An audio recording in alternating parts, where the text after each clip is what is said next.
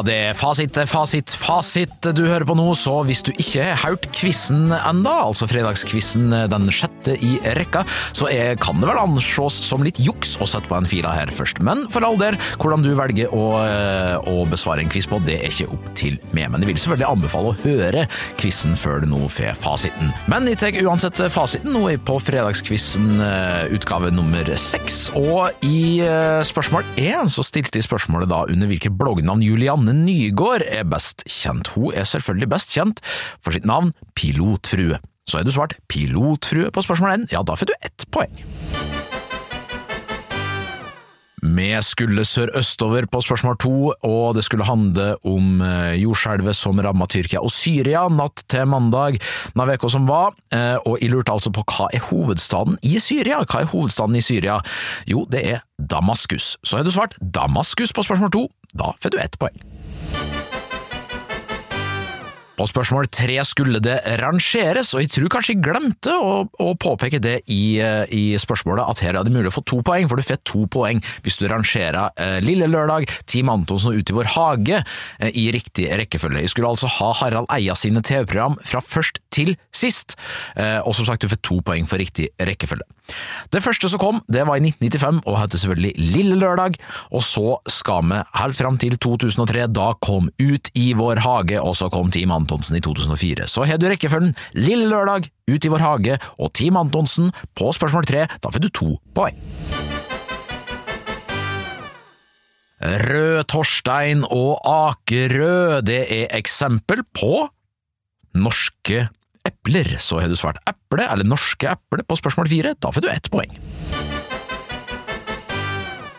Skriftprosjektør, da, hva er det et avløsord for? Det var spørsmål fem, og det engelske, mer kjente ordet for skriftprosjektør. Jeg vet ikke om det er så vanlig lenger nå, men da jeg vokste opp så var i hvert fall dette et uh, veldig, uh, veldig hyppig brukt verktøy i skolesystemet, og det er selvfølgelig overhead. Overhead. Har du svart overhead på spørsmål fem, ja da får du ett poeng. Så eh, skulle det ikke handle om tittkokkbruken til Emilie Enger Mehl, men det skulle handle om eh, Norges lengstsittende statsminister etter andre verdenskrig.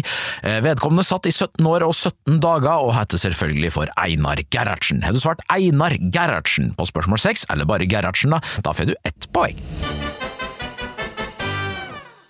Hepatitten tei, som min produsent kalla det, var spørsmålet sju. Jeg lurte på er, hvilket organ er det som rammes hvis de får en hepatittinfeksjon, og det er selvfølgelig levra. Så du svart lever eller levra, ja da får du ett poeng.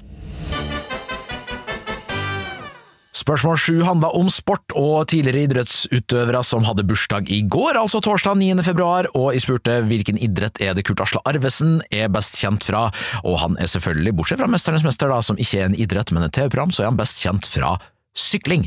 Han er syklist. Det er svar på spørsmål åtte. Like bra, bare billig, var spørsmål ni, eller slagordet da på spørsmål ni, og jeg lurte på hvilken bedrift er det som gjemmer seg bak det slagordet, og det er selvfølgelig gjengen som i reklamefilmen går og går og går og går, nemlig One Call. One Call gir ett poeng på spørsmål ni.